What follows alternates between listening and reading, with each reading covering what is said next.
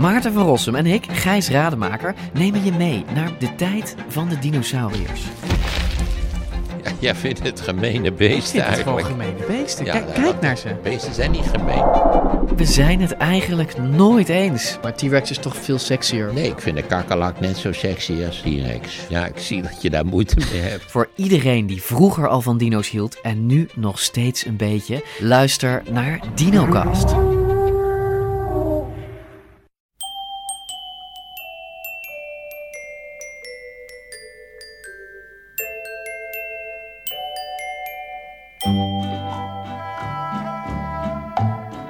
Welkom bij aflevering 417 van Echt Gebeurd, de podcast waarin mensen hun eigen waargebeurde verhalen vertellen.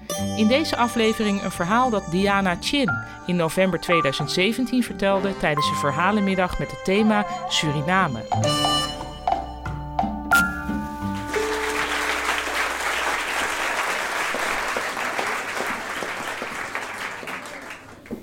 Het is 12 december 1982. Ik ben druk aan het eh, studeren.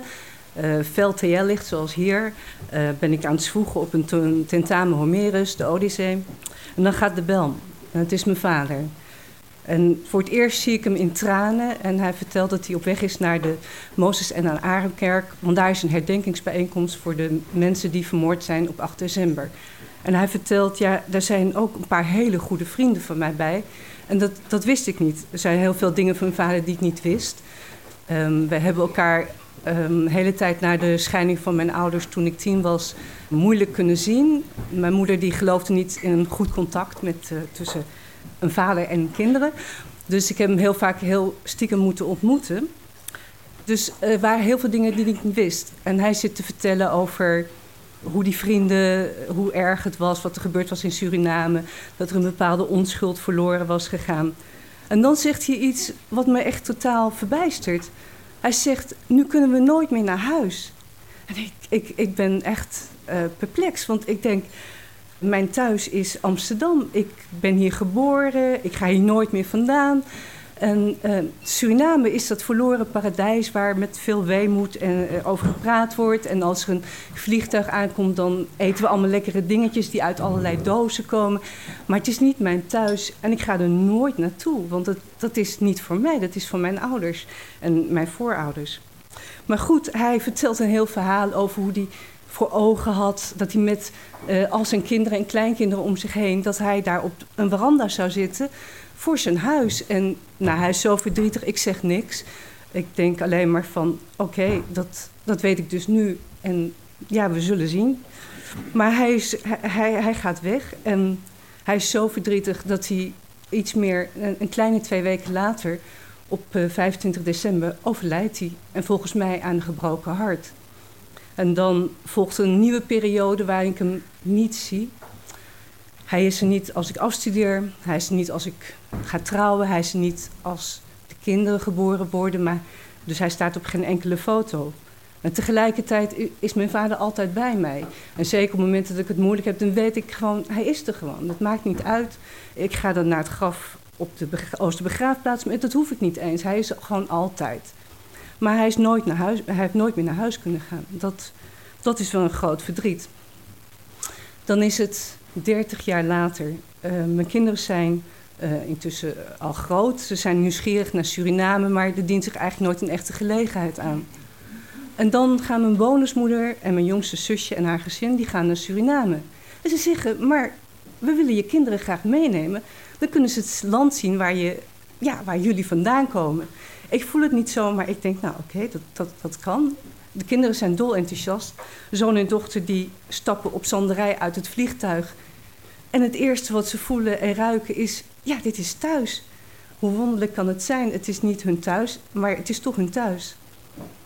Maar goed, ik eh, ben een, niet een per se een bezorgde moeder, maar ik vind de andere kant van de oceaan vind ik toch best wel ver weg.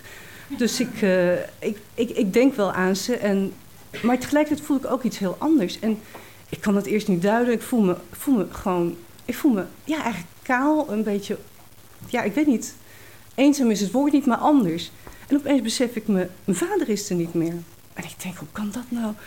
En iets wat al die tijd zo dicht bij je is en opeens is het weg. En ja, dat, Dus in noodgevallen bel ik mijn oudste zus. En ik vertel haar, ja, het is zo gek, zit het, uh, de kinderen weg zijn, dan voel ik mijn vader niet meer. En zij zegt, ja joh, weet je dat dan niet? Dat weten toch alle Surinamers, dat ze zoeken een ziel, zoekt vertrouwde mensen om mee de oceaan over te gaan. Goed, uh, uh, ja, dat kan. En ik denk van, oké, dat, dat, is dus zo. En de kinderen komen terug. Ze hebben een fantastische reis gehad. Het was alles wat ze hadden gehoopt en nog meer eigenlijk. En inderdaad, mijn zoon die zegt ook... ik ga er ooit eens een paar jaar wonen en weet ik niet meer. Het is ook allemaal goed. Maar opeens, dan, ik merk gewoon dat er iets mij niet verteld wordt. En ik weet niet wat het is. En op een gegeven moment dan vertel ik hun het verhaal... dat volgens mij, dat zij de ziel van mijn vader mee die oceaan over hebben genomen. Dat hij eindelijk thuis is. En dan krijg ik pas het verhaal te verhoren dat zij op de Jodensavanne, dat is een oude, een soort verlaten vlakte waar vroeger een nederzetting is geweest van ja, Joden uit Europa, dat zij een vlinder, een morfo, ik weet niet of iedereen dat wat zegt, het is een speciaal soort vlinder, uh, Surinaamse vlinder, steeds één vlinder om hun heen blijft fladderen. En zij vonden het heel gek en ze keken elkaar aan, hadden ze iets van, is dit, dit is volgens ons opa. Maar ze dachten, ja, dit is zo raar, dit kunnen we nooit aan iemand vertellen. Wel aan elkaar natuurlijk, maar niet aan iemand anders. En opeens dacht ik, ja, nee, nu klopt het. En mijn vader die heeft na 30 jaar na zijn overlijden eindelijk de kans gezien om thuis te komen. En dat, ja, dat gaf mij wel rust. En ik die altijd heb gezegd van, ik ga nooit naar Suriname. Suriname, dat is niet voor mij. Door alles wat er nu gebeurd is en omdat ik weet dat mijn vader daar nu is, denk ik misschien ooit. Misschien ga ik ooit naar Suriname.